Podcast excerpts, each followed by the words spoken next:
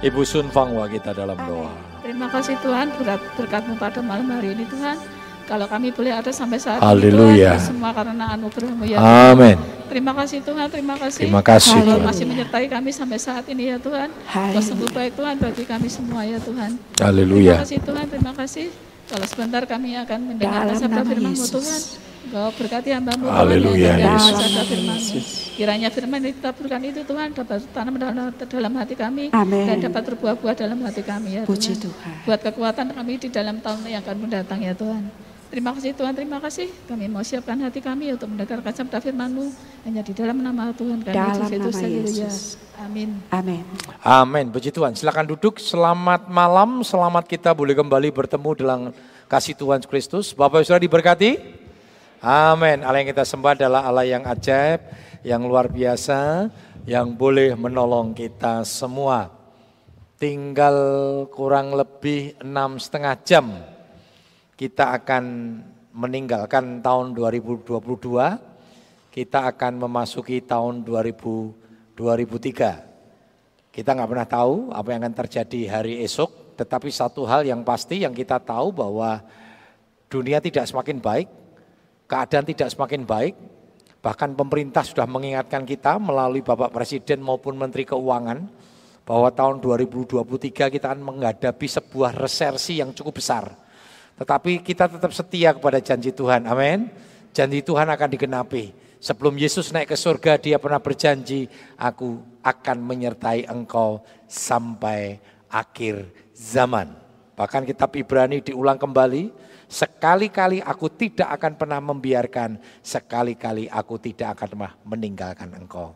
Jadi apa pun yang terjadi, boleh terjadi saudara, karena kita tidak berkuasa untuk menolak itu terjadi. Tetapi satu perkara yang kita tahu, ketika kita bersama-sama dengan Tuhan, apa pun yang terjadi, kita sanggup hadapi karena janji Tuhan pasti digenapi. Firman inilah yang akan menjadi tema pada sore hari ini di ibadah tutup tahun sebelum sebentar kita akan memasuki tahun yang baru. Ya, mari kita sama-sama melihat di dalam Yesaya pasal 38 ayat yang ketujuh. Yesaya 38 ayat yang ketujuh. Saya sekali lagi kita bangkit berdiri, kita akan membaca ayat ini bersama-sama. Yesaya 38 ayat yang ketujuh. Dua, tiga. Inilah yang akan menjadi tanda bagimu dari Tuhan bahwa Tuhan akan melakukan apa yang telah dijanjikannya. Amin. Amin. Silakan duduk, pegang janji Tuhan. Jadi jangan pernah mengklaim janji Tuhan. Enggak perlu nagih janji Tuhan. Karena Tuhan tahu menggenapi janjinya. Kalau kita sebagai manusia, mungkin sering kali kita tidak bisa menggenapi janji. Tidak bisa memenuhi janji. Mungkin bukan karena kita memang tidak niat memenuhi janji, walaupun banyak juga yang memang tidak punya niatan untuk memenuhi janjinya. Tetapi mungkin karena keterbatasan kita sebagai manusia, kita tidak dapat memenuhi janji tersebut. Contohnya, ya satu kali saya berjanji kepada anak-anak, oke okay, hari ini uh, hari hari uh, uh, saya tentukan sebuah hari kita akan pergi ke Solo atau ke Semarang untuk ke mall. Kita akan menikmati makan bersama di sana. Ya, anak-anak semangat. Lalu pada hari hanya siang mau berangkat, pagi-pagi ada bel saudara atau WA masuk bahwa ada seorang ada ada jemaat yang meninggal dunia. Nah, saya tidak bisa memenuhi janji saya kepada anak saya bukan karena saya punya niatan tidak memenuhi janji tersebut, tetapi karena keterbatasan. Tetapi Allah kita tidak bisa dibatasi oleh ruang dan waktu. Allah kita Allah yang dahsyat. Allah kita Allah yang megatos. Kedahsyatannya hebat. Betapa hebat kuasanya bagi setiap orang yang percaya. Dan Tuhan akan menggenapi setiap janjinya. Kita dipelihara oleh janji Tuhan. Janji Tuhan pasti digenapi. Sehingga seharusnya kita tidak perlu takut menghadapi hari-hari yang akan kita lewati. Karena kita dipelihara dengan janji Tuhan. Amin. Mari kita lihat sama-sama di dalam Yosua 21 ayat yang ke-45. Yosua 21 45. Dari segala yang baik yang dijanjikan Tuhan kepada kaum Israel, tidak ada yang tidak dipenuhi, semuanya terpenuhi. Ya, ini dari terjemahan uh, dalam terjemahan yang lain ya. Kalau yang dibaca tadi terjemahan baru. Nah, Saudara, ini pernyataan Yosua. Kita tahu Yosua mengalami atau menjadi saksi hidup dari sejak bangsa Israel dijajah di Mesir. 430 tahun. Lalu oleh pertolongan Tuhan, Yosua saksi hidup pula dengan 10 tulah dengan cara Tuhan yang ajaib, Yosua beserta dengan bangsa Israel akhirnya meninggalkan Mesir di mana mereka dijajah. Waktu datang ya pada waktu itu Yusuf saudara ya beserta dengan keluarga Yakub datang Yusuf pada waktu itu menjadi raja muda akhirnya tinggal di Goshen dan karena mereka bertambah banyak dan pinter ya kehebatan orang Israel ini Tuhan memberkati bangsa Israel dengan hikmat yang luar biasa sampai hari ini sehingga mereka takut bangsa Mesir kalau-kalau nanti bangsa Israel ini akan menguasai sehingga mereka ditekan. Selama 430 tahun mereka bersorak kepada Tuhan, mereka menangis di hadapan Tuhan dan akhirnya Tuhan bebaskan dengan cara Tuhan yang ajaib. Dan Yosua menjadi pelaku itu, saksi hidup. Singkat cerita, sampailah mereka di depan tanah Kanaan. Pada waktu itu oleh Musa dipilih setiap suku satu pemuda untuk menjadi saksi. 12 pengintai diterjunkan untuk mengintai tanah Kanaan. Setelah mereka pulang terjadi dua kubu. Kubu yang pertama itu kubu 10 orang. Di mana mereka berkata, kita jangan pernah masuk ke tanah Kanaan. Pasti mati, pasti dibantai.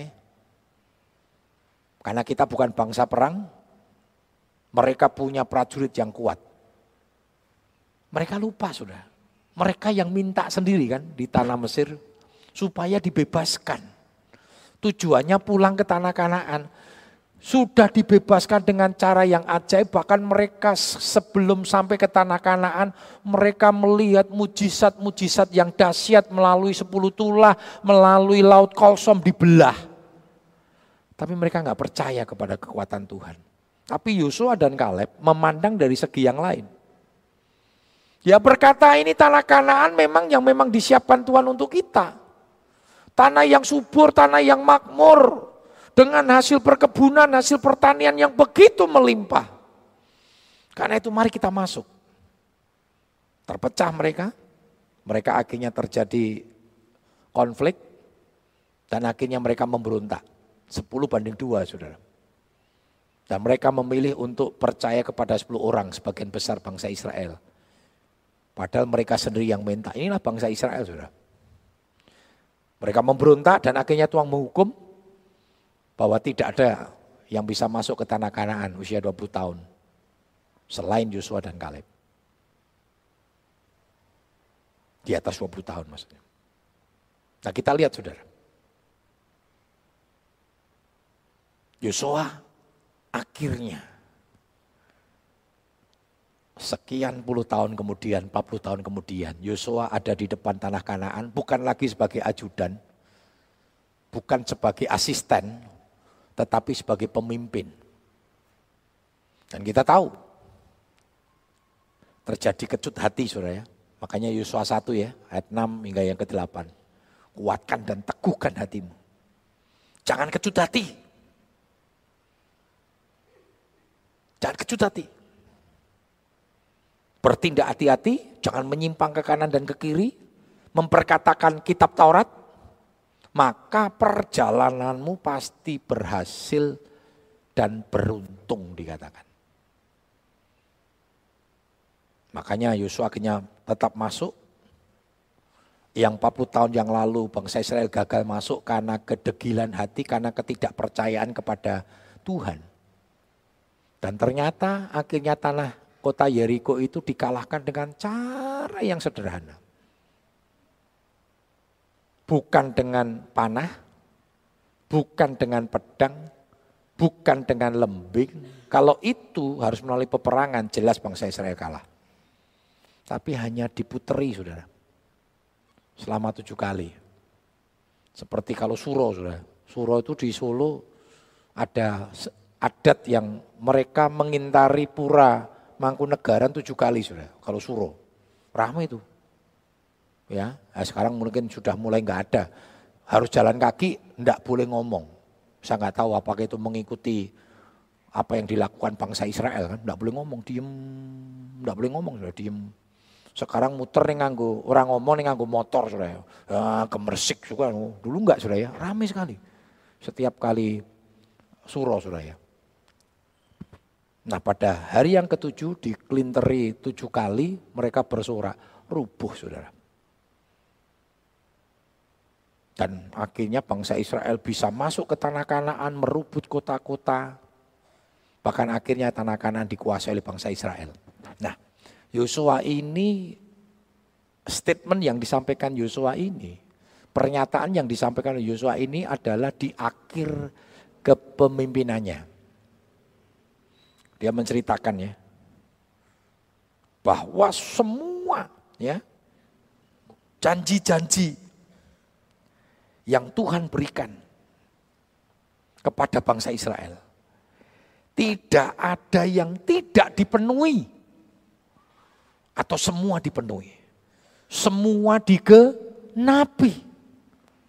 Nggak ada saudara. Bahkan sampai hari ini nanti kalau kita melihat perjalanan bangsa Israel ya. Terus dipelihara Tuhan. Setelah Yosua akhirnya mereka dipelihara dengan kepemimpinan nabi-nabi. Eh tok nabi-nabi, hakim-hakim saudara. Setelah itu mereka nuntut minta raja. Akhirnya menjadi kerajaan monarki. Padahal Israel itu satu-satunya negara yang punya sistem pemerintahan itu teokrasi. Sudah.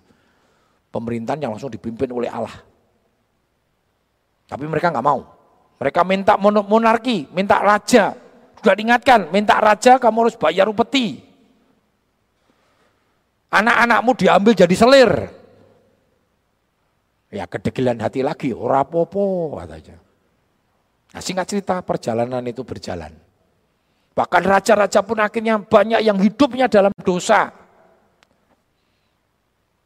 Bangsa Israel, ya kerajaan Israel ditawan oleh Asyur, akhirnya dihabiskan. Diaspora sampai hari ini nggak tahu. Jadi waktu masa Yesus saja itu sudah tidak ada kerajaan Israel, yang ada hanya kerajaan Yehuda. Maka Israel sekarang disebut juga dengan Yahudi.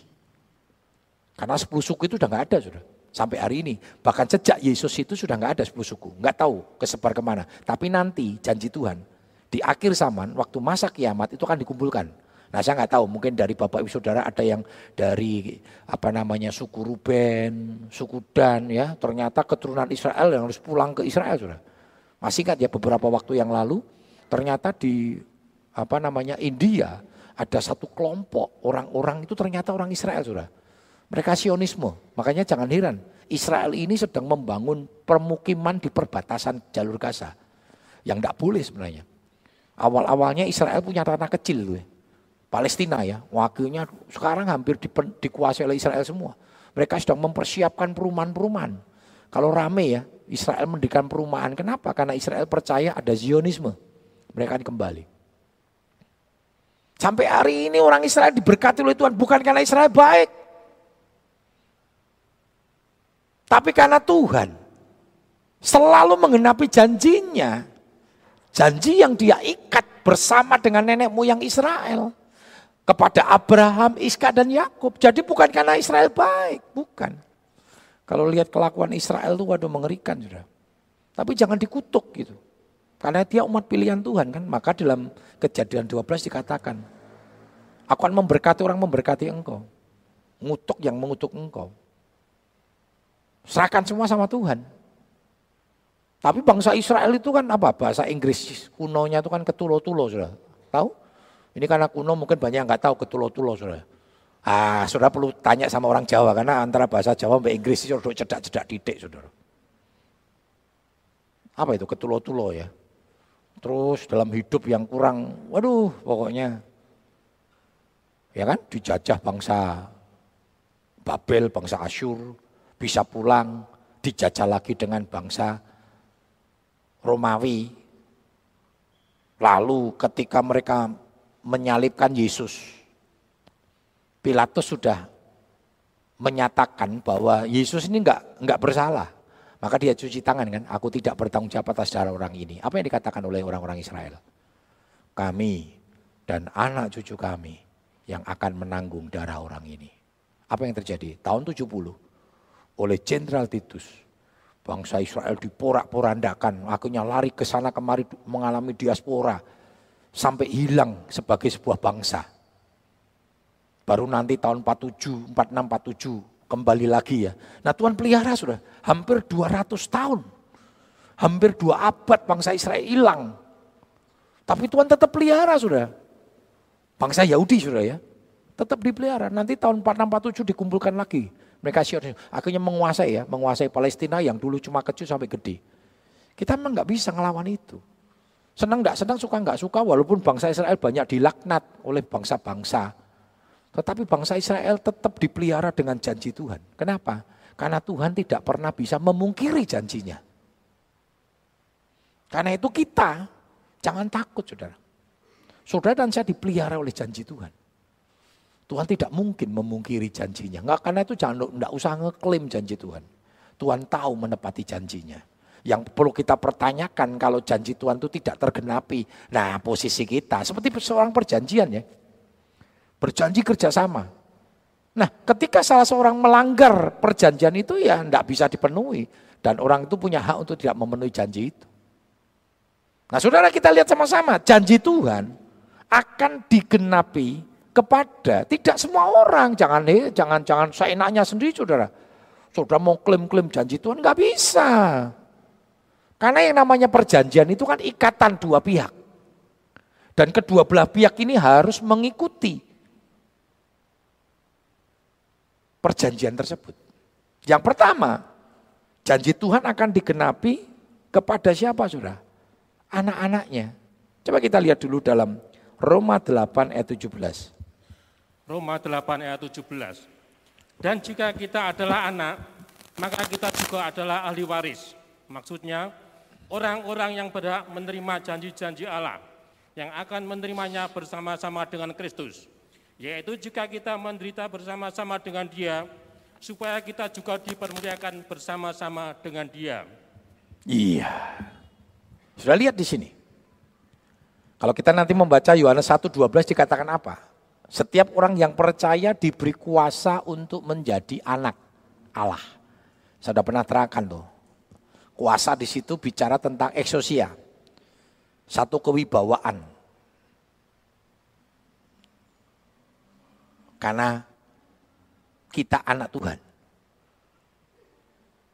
Kemarin perkawinan Kaisang, saudara, waduh hebat. Bukan karena Kaisangnya hebat, yang hebat bapaknya. Itulah yang disebut eksosia. Kita ini dipelihara dengan kewibawaan otoritas bapak kita. Makanya setan nggak bisa seenak-enaknya menyentuh kita, saudara. Ingat peristiwa Ayub, lapor dulu, minta izin dulu. Makanya 1 Korintus 10 katakan apa? Pencobaan-pencobaan yang kamu alami adalah pencobaan yang biasa, yang tidak melebihi. Kenapa? Tuhan kontrol. Nah, sekarang pertanyaannya, apakah kita sudah menjadi bagian dari orang-orang percaya? Kalau Yohanes 1, setiap orang yang percaya itu diberi kuasa untuk jadi anak-anak Allah. Nanti kalau kita membaca Yohanes 3, setiap orang yang percaya itu akan selamat. Percaya dalam Yohanes 3 itu kalau kita bicara Yohanes 3 itu bicara konteks komunikasi antara Yesus dengan Nikodemus di mana Nikodemus sedang mempertanyakan tentang kelahiran baru. Jadi Yohanes 3:16 itu yang disebut dengan percaya itu lahir baru. Meninggalkan manusia lama, manusia yang hidup dalam dunia, dalam dosa, kepada hidup dalam kasih karunia, manusia baru. Nah kita lihat dulu sudah, ciri-ciri anak Tuhan itu apa sudah? Ciri-ciri anak Tuhan adalah orang yang mengasihi dan melakukan perintahnya. 1 Yohanes 5 ayat 2 hingga 3. 1 Yohanes 5 ayat 2 dan 3. Inilah tandanya bahwa kita mengasihi anak-anak Allah yaitu apabila kita mengasihi Allah serta melakukan perintah-perintahnya. Sebab inilah kasih kepada Allah, yaitu bahwa kita menuruti perintah-perintahnya, perintah-perintahnya itu tidak berat. Iya. Jadi orang yang disebut anak-anak Allah, cirinya apa? Orang yang mengasihi Tuhan, Orang yang mengasihi Tuhan itu dibuktikan dengan apa? Dibuktikan dengan melakukan perintah-perintahnya. Dan perintah-perintah Tuhan itu tidak berat. Tidak berat. Apa yang berat? Seringkali saya tanya ya, apa yang berat sih perintah Tuhan? Kasihlah musuhmu. Kasihlah orang-orang yang memusuhimu. Berat atau ringan? Oh, Rawani jawab tuh. Kimeh tahun baru loh, delok newe tahun anyar loh saudara. Masih hidup dalam manusia lama? Kasihlah musuh-musuhmu, berat atau ringan? Ah, berat atau ringan? Ringan ini ora relo ngono saudara. Ora tulus, ringan. Ringan. Enak wae, orang yang musuh kita kok dikasih sing iso diwajar. Saudara. Kan apalagi itu baru-baru kasih musuhmu loh, yang sudah enggak rugi-rugi apa-apa loh, betul enggak sudah? Apalagi ayat ditampar pipi kiri, kasih pipi kananmu, gue enak ae. Wani nampar pipi kiriku harga diri, oh tak rencak itu. Jangan sok, walaupun saudara kuat, saudara mampu, punya kenalan banyak, punya kenalan polisi oke, wage kesenggol titik, wah telepon kapolres, Yesus itu saudara, dia punya otoritas, punya kuasa, dia, dia dirajam, dia dianiaya. Dia masih berkata, Bapak ampuni mereka. Gampang toh? Karena Tuhan sudah kasih teladan. Kemarin anak-anak basket Lot Siloam bertanding di Jogja, saudara. Ya puji Tuhan mereka juara dua, saudara. Wah, suasananya panas. Karena banyak tim-tim unggulan yang mereka kalahkan. Ada satu anak kita hari keberapa itu. Saya lihat mulai, waduh tegang saudara. Kenapa? Dinyek.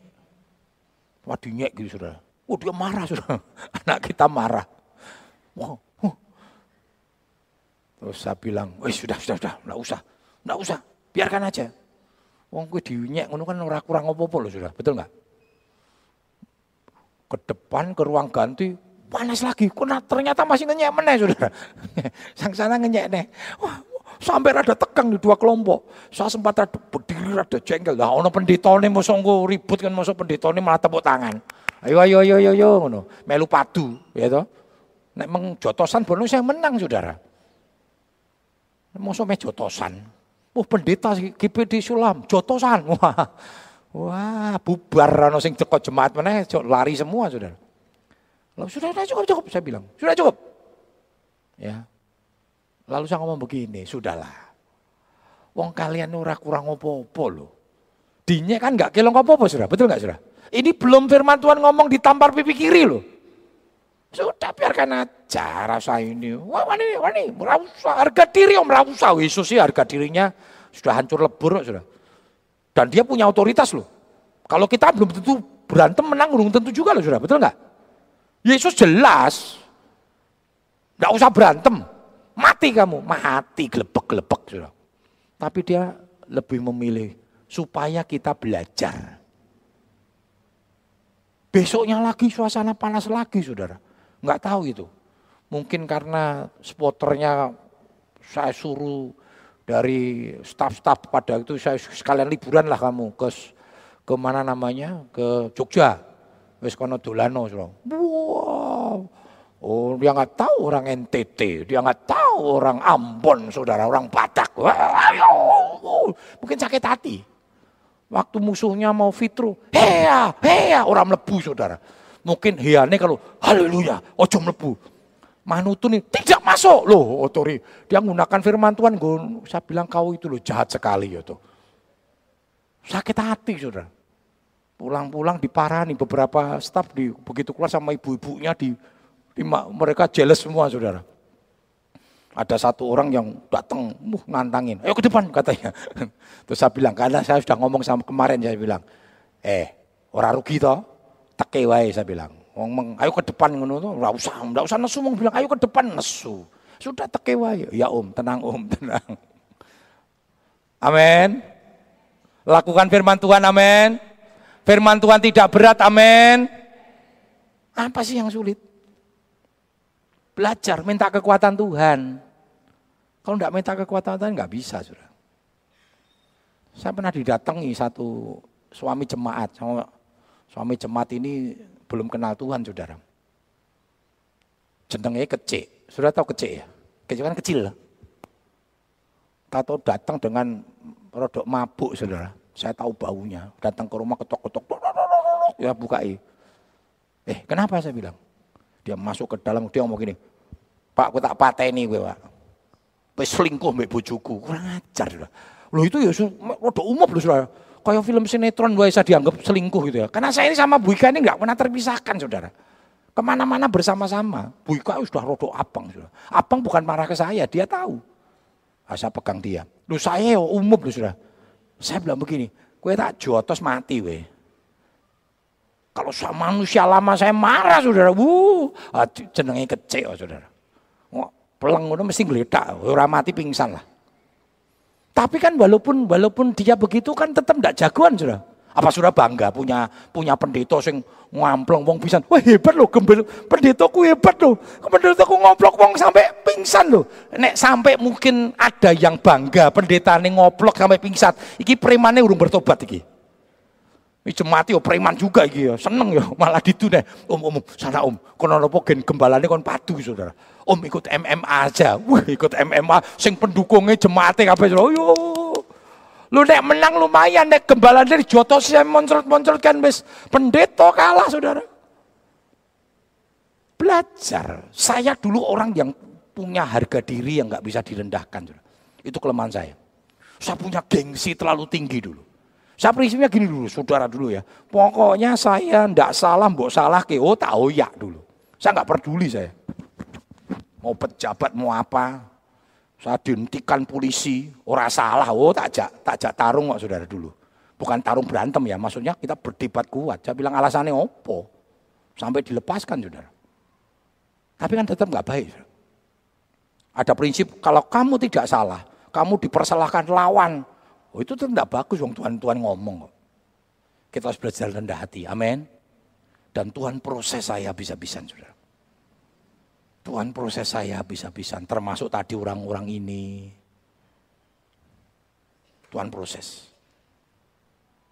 Karena itu mari ikuti perintah Tuhan. Perintah Tuhan nggak berat dan nggak berat sudah. Ketika engkau berlatih diasah sama Tuhan kan ada ada firman kata besi menajamkan besi, dilatih, diasah kita. Dan ketika engkau mau taat sama Tuhan, Tuhan proses hidup. Tuhan proses hidup. Saya punya gembala dulu rendah hati sudah, kebis kepunton Om Jam Syongi. Wah, orangnya rendah hati sekali. Waktu sakit, dia terkena sakit sudah seperti stroke selama 8, 8 bulan. Setelah itu meninggal dunia. Saya waktu itu masih di Jakarta kuliah saudara. Saya pulang, saya biasa tidak tidur malam memang. Saya belajar ya. Saya bilang sama bagian apa yang ngatur jaga sudah. Aku wengi tak jogo. Selama tiga malam saya di Solo sudah dikasih ibu saya jaga. Satu malam ya. Bapak gembala saya itu orangnya enggak, enggak, enggak seneng ngomong. Dia tidak terlalu dekat dengan gembalanya. Tapi dia cinta Tuhan luar biasa. Sudah. Saya tumpang tangan kepala, saya pegang tangannya tumpang ke kepala saya. Sudah. Saya bilang begini, Tuhan, biar rendah hatinya itu ditransfer ke kepala saya ke hidup saya. Karena saya sadar, kalau bukan karena Tuhan, akunya kita ini Enggak bisa dihancurkan. Mari kita belajar taat sama Tuhan. Enggak berat. Martius 11 katakan apa? Kuk yang kupasang ringan, bebannya pun eh enak. Dan ikut perintah Tuhan itu enggak, enggak berat. Tapi kalau kita melawan perintah Tuhan, sesuatu yang berat. Yang kedua, janji Tuhan akan digenapi kepada siapa sudah? Kepada orang yang hidup dalam Kristus. Orang yang hidup dalam Kristus. Coba kita lihat dalam Galatia 3 ayat 29. Galatia 3 ayat 29. Dan jikalau kamu adalah milik Kristus, maka kamu juga adalah keturunan Abraham dan berhak menerima janji Allah. Perhatikan saudara, kalau engkau milik Kristus, engkau berhak menerima janji Tuhan. Apa pun janji Tuhan, engkau berhak menerima itu. Tapi kuncinya milik Kristus. Apa yang dimaksud dengan milik Kristus? Milik Kristus itu artinya seluruh aspek hidup kita, kita mau persembahkan bagi kemuliaan Kristus, bukan Timotius. Jadi kalau Timotius nggak dipuji nggak apa-apa, nggak usah sakit hati. Sing penting nama Tuhan dimuliakan, amin. Amin. Seperti Yohanes loh. Dia berkata apa Yohanes Pembaptis? Loh, Yohanes Pembaptis itu secara manusia dia sakit hati loh harusnya. Murid-murid yang ikut Tuhan kok. Ngikut pengikutnya Yohanes jadi pengikut Yesus. Tapi dia nggak sakit hati. Kenapa? Memang dia kan jadi jalan perintis. Dia lahir untuk membuka jalan bagi Yesus. Sehingga Yohanes katakan apa? Biar dia semakin bertambah, ku semakin berkurang. Biar Tuhan semakin dipermuliakan, si Agus ini semakin berkurang. Jangan Agusnya sing kemaki, sudah. Ora dipuji nesu. Jangan. Maka tugas saya selalu saya katakan, sudah. Tugas saya bukan untuk menyenangkan jemaat. Saya nggak mau, sudah. Tugas saya adalah membawa jemaat untuk menyenangkan Tuhan. Dan kalau engkau setia kepada firman, maka firman Tuhan itu akan membentuk hidupmu. Amin. Saya nggak pernah menyampaikan firman berdasarkan pemikiran saya. Karena konsep GPDI selalu back to the Bible. Biarkan Alkitab menerjemahkan dan menafsirkan dirinya sendiri. Saya sekolah bukan untuk pinter supaya nafsirkan. Ada ilmu dalam teologi, belajar untuk menafsirkan. Ada saudara. Namanya hermeneutik. Hermeneutik itu ilmu untuk menafsir. Dan itu bisa hermeneutik 1, 2, 3, 4. Nanti kaitannya dengan bahasa asli dan sebagainya. Tetapi kita nggak perlu nafsir-nafsir. Biarkan Alkitab menyatakan dirinya sendiri. Kita lihat sama-sama Filipi 1:21. Filipi 1 ayat 21. Karena bagiku hidup adalah Kristus dan mati adalah keuntungan. Amin. Hidup bagiku Kristus Mati adalah keuntungan. Jadi bagi orang Kristen tidak usah takut mati. Amin. Beti ya. Siapa sih om sing ora wedi? Jangan takut mati. Kenapa saudara? Karena saudara tidak punya otoritas. Kenapa kita takut kepada sesuatu yang kita nggak punya otoritas? Saudara mau takut, saudara mau ber, apa namanya nggak takut. Nek jatai mati yo mati saudara. Karena kita nggak punya otoritas. Kita punya otoritas atas apa? Atas hidup. Kita punya otoritas. Kalau Tuhan kasih-kasih kesempatan kita hari ini, kita punya otoritas atas hidup kita. Saudara mau pakai hidupmu untuk apa? Bukan orang lain.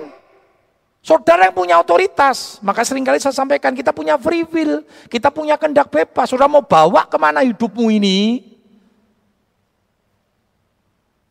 Itu pilihan saudara. Dan saudara punya otoritas. Saudara mau tidak pergi ibadah sore hari ini, kan sudah punya otoritas.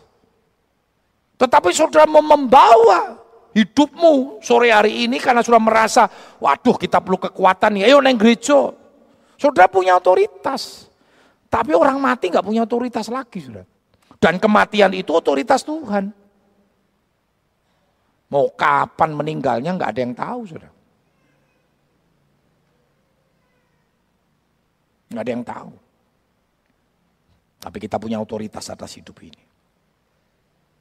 Karena itu mari kita pergunakan hidup kita untuk Kristus. Maka kematian bukan sesuatu yang menakutkan bagi orang percaya. Ya selama kita hidup kasih kesempatan ya jaga hidupmu, jaga tubuhmu karena tubuhmu adalah bait Roh Kudus. Saya selalu katakan kan, jangan menjaga tubuh kalau takut mati. Kita menjaga tubuh kita karena tubuh ini bait Roh Kudus yang harus dijaga sungguh-sungguh. Bukan karena takut mati. Karena mati bukan urusan kita, mati urusan Tuhan. Ya, karena itu selama engkau punya masih punya otoritas, ketika kita hidup kita berarti punya otoritas. Inilah kesempatan, pujian itu ya. Hidup ini adalah kesempatan. Gunakan itu. Gunakan otoritas atas hidupmu untuk membawa hidupmu menjadi milik Kristus dan dipakai bagi kemuliaan Tuhan. Ya. Yang ketiga, janji Tuhan akan digenapi kepada siapa Saudara?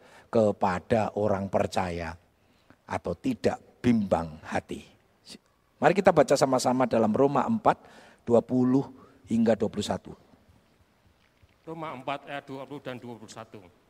Tetapi terhadap janji Allah, ia tidak bimbang karena ketidakpercayaan, malah ia diperkuat dalam imannya dan ia memuliakan Allah dengan penuh keyakinan bahwa Allah berkuasa untuk melaksanakan apa yang telah ia janjikan. Perhatikan saudara. Percaya. Percaya dan tidak bimbang. Dengan saudara bimbang sama saja saudara tidak percaya sama Tuhan. Jangan takut. Makanya ketika saya menyatakan diri untuk jadi hamba Tuhan, keluarga besar saya tidak mengizinkan. Kenapa? Mereka takut. Kalau-kalau kamu jadi hamba Tuhan, kue urip. Karena pada waktu itu saya dalam kondisi yang cukup diberkati oleh Tuhan. Kerjaan saya bagus.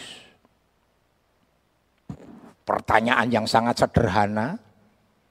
Dan itu sebenarnya pertanyaan yang menunjukkan bahwa mereka sedang takut ketika saya mengambil keputusan jadi hamba Tuhan. Nek dadi hamba Tuhan meh mangan opo. Karena tidak ada satu keluarga saya pun sampai hari ini sudah. Bahkan saya, anak-anak saya pun saya tidak tekankan jadi hamba Tuhan. Saya hanya serahkan sama Tuhan. Kalau mau Tuhan panggil silahkan. Karena saya dipanggil Tuhan di tengah keluarga yang tidak kenal Tuhan. Ah, sorry, di tengah keluarga yang bukan hamba Tuhan. Takut. Bahkan mereka ngagar-ngagari ya, bahasa Inggris kuno lagi sudah ya. Ketulo-tulo itu kan bahasa Inggris kuno. Ngagar-ngagari ini harus deket sama bahasa Jawa lah. Nanti tanya sama orang Jawa. Ngagar-ngagari lagi. Kalau diterjemahkan itu nakut-nakutin sudah. Nek kue sampai sekolah Alkitab butuh apa-apa ojo njaluk mbek keluarga. Saya buat statement tahun 89. Mulai hari ini, hari itu tahun 89 sudah ya. Saya tidak akan pernah meminta-minta untuk kebutuhan hidup saya kepada yang namanya manusia. Dan saya bersyukur, saya penuhi janji itu sampai hari ini. Saudara bisa protes sama saya kalau sampai ada yang ngomong, Om, kue ingin jaluk om, butuh susu anakmu. Oh, saya tidak punya anak, sudah tidak punya susu. Sudah. Dan saya penuhi itu. Kenapa? Saya hidup dari janji Tuhan Dan Tuhan memelihara saya sejak saya ngerintis, istri saya dokter, saya dimarah, dimarah-marahi sama teman-teman pendeta, goblok, egois, kok nyonyahmu rentuk kerja. Kue rasa kerja rapopo kue demben wis berhasil ora kerja tinggalkan jadi hamba Tuhan. Nyonyahmu ki dokter, bokon praktek. Saya kenal dengan direkturnya pada dokter Lukas sempat pernah ditawari sudah. Piye gen praktek neng UGD. Enggak saya bilang. Kami sudah komitmen digoblok-gobloke sudah. Oh goblok, goblok kata. Lu itu hamba Tuhan yang goblok-gobloke saya sudah. Kenapa? Iman-iman togus, iman-iman opone. Ilmunya, ilmunya nggak hilang sudah. Waktu di kota Solo, Bu Ika, kita buat sering kali kita buat pengobatan gratis. Bahkan Bu, Bu Ika itu jadi wakil uh, untuk uh, apa ya klinik ya, klinik klinik di sebuah gereja. Orang dibayar, Wong kita niatane bukan untuk cari duit. Anak cari duit, duit kaca kok nyambut gawe. Enggak, memang kita nggak mau cari duit. Kita mau cari untuk pelayanan Tuhan, cari jiwa. Dan bersyukur saudara. Ternyata Tuhan mengendapi janjinya. Keluarga besar saya sekarang melihat saudara. Saya nggak pernah minta-minta saudara. Sampai nenek saya rodok sakit hati karena saya ini cucu laki pertama saudara kepada tante-tante dia ngomong gini, Gus, kowe nek ono popo jaluk mbek mae wae. Wis rasa jaluk mereka. Enggak, Mak, wis Tuhan sudah cukupkan, saya bilang. Dan Tuhan pelihara sudah. Jadi jangan takut, jangan bimbang kepada janji Tuhan. Tuhan tahu mengenapi jan. Ada yang ragu dengan janji Tuhan? Ada yang tidak pernah mengalami pemenuhan janji Tuhan? Sudah cek dan dicek dulu. Saudara sudah menjadi anak-anaknya enggak? Orang yang mengasihi dan melakukan perintah-perintahnya enggak? Saudara sudah menjadi milik Kristus enggak? Yang hidupnya untuk kemuliaan Tuhan, sehingga apa pun yang kita lakukan untuk kemuliaan Tuhan. Atau saudara sudah percaya, tidak bimbang hati, jangan takut saudara. Makanya berapa kali saya sampaikan ya, kalau ada anak saudara yang hari ini nanti apa namanya tahun tahun depan ini nanti harus kuliah. Waktu ngomong sama kalian, sama sebagai orang tua, "Pak, Mah, saya mau kuliah." Walaupun secara kalkulasi manusia, kalkulator manusia, uh, sampai jebel ya iso. Itu kan kalkulatornya manusia. Kalkulatornya Tuhan berbeda saudara. Jangan kalau anaknya minta kuliah ngomong lele sadar le ojo ngimpi. Kowe anak ebong melarat. Rasa sekolah ndang kerja kono. Bantu bapak ibu. Ini pernyataan perkataan orang tidak beriman dan nyakiti Tuhan. Nyakiti Tuhan sudah. Seperti kita nggak punya Tuhan saja. Walaupun bener lo om tapi tidak iso om. Kau yang nggak bisa. Tuhanmu bisa, amin. Katakan sama anakmu. Percaya gak sama Tuhan? Papa mama nggak mampu, tapi Tuhan mampu. Tuhan mampu. Mari kita melangkah dengan iman. Loh, saya bukan hanya memotivasi, tapi realita kenyataan. Saya bisa kuliah nih karena Tuhan, saudara. Gak ada sponsor-sponsor yang secara ini enggak, saudara. Tapi karena Tuhan. Sampai waktu kuliah S2 sudah. Saya masih ngerintis di kota Solo. Tapi saya kuliah sudah. Sampai saya pernah ngomong sama bagian keuangannya ya. Kenapa sudah? Saya harusnya naik kuliah kan di awal semester bayar sudah ya. Saya ingin bayar bar semester lagi bayar. Ya karena dana sudah. Bar semester baru bayar. Ketika sudah mau lulus, saya ngomong begini saudara sama bagian keuangan. Sorry mbak, saya minta maaf, saya ini mahasiswa sing kurang taat. Lu kenapa tuh Om Agus? Aku kini bayar uang kuliah selalu setelah semester lagi bayar. Harusnya di awal loh. Saya setelah semester lagi tak bayar, tak bayar. Lu Om, Nggak apa-apa Om Agus. Om Agus itu termasuk ranking kedua pembayar uang kuliah yang terbaik loh saudara. Ini karena ada di STT kalau di sekolah sekuler rentok sudah sudah di DO ya. STT sekolah teologi masih banyak kasih karunia. Loh, tak iso ngono. Loh Om. Banyak mahasiswa-mahasiswa sama sekali urung bayar SPP belas loh saudara. Uang kuliah sama sekali urung bayar, jangankan uang kuliah, uang pendaftarannya saya diutang sampai saiki. Jadi Om Agus masih ranking kedua, yang satu tuh bayar terus karena pengusaha saudara. Pengusaha pengen kau belajar saudara. Oh luar biasa saudara. Saya akhirnya kepala saya tertegak saudara. Mau rodok pekewu saudara ya. Dan Tuhan tolong saudara. Kan nggak murah. Yang kuliah S2, S3 tahu itu. Nggak murah itu. Tapi saya cuek aja, saya terlalu yakin. Saya bilang begini sama Tuhan, Tuhan saya kuliah bukan untuk kebanggaan. Bukan untuk cari titel. Banyak kalau cuma cari titel, cuma bayar murah yo. Titel Leono rasa kuliah sudah banyak. Tapi saya mau lakukan untuk memperlengkapi dalam saya melayani Tuhan. Jadi apa pun yang kau lakukan cek dan dicek dulu. Kalau itu untuk Tuhan jangan takut saudara. Dan percaya Tuhan pasti menolong kita. Amin. Ini terpana atau orang iman saudara. Amin. Kok gitu, eh terpana mbak gembalane loh saudara. Amin. Jangan bimbang, jangan takut. Masuki tahun 2023 bersama dengan Tuhan. Dunia boleh berkata krisis, dunia boleh berkata gelap seperti firman Tuhan yang saya sampaikan di awal-awal tahun 2022, dunia akan semakin dibawa kepada kekelaman kegelapan dan itu terjadi tahun 2022. Tapi buktinya kita bisa lewati kenapa? Karena kita dipelihara oleh janji Tuhan. Tuhan ngomong, aku menyertai engkau sampai akhir zaman. Berarti Tuhan pelihara. Bahkan Ibrani katakan, aku tidak pernah sekali-kali tidak akan pernah meninggalkan. Dan sekali-kali tidak akan pernah melupakan. Dan itu akan terjadi dalam hidup kita. Song-song 2023. Dengan mata tertegak, Terus memandang kepada Tuhan. Jangan takut dan jangan bimbang. Engkau punya Tuhan yang dahsyat dan janjinya pasti digenapi. Bapak Imam bagi kita dalam doa. Terima kasih Tuhan. Kami telah mengucapmu, menyembahmu Tuhan. Kami telah mendengarkan firmanmu dari hambamu Tuhan. Bukalah hati kami Tuhan. Sifat tertanam dari hati kami dapat berkembang dan bertumbuh Tuhan. Kiranya Tuhan kami supaya kami dapat melakukan perintah-perintahmu ya Tuhan. Janjimu ya dan amin Tuhan. Kiranya semuanya kami serahkan padamu. Terima kasih Tuhan. Amin.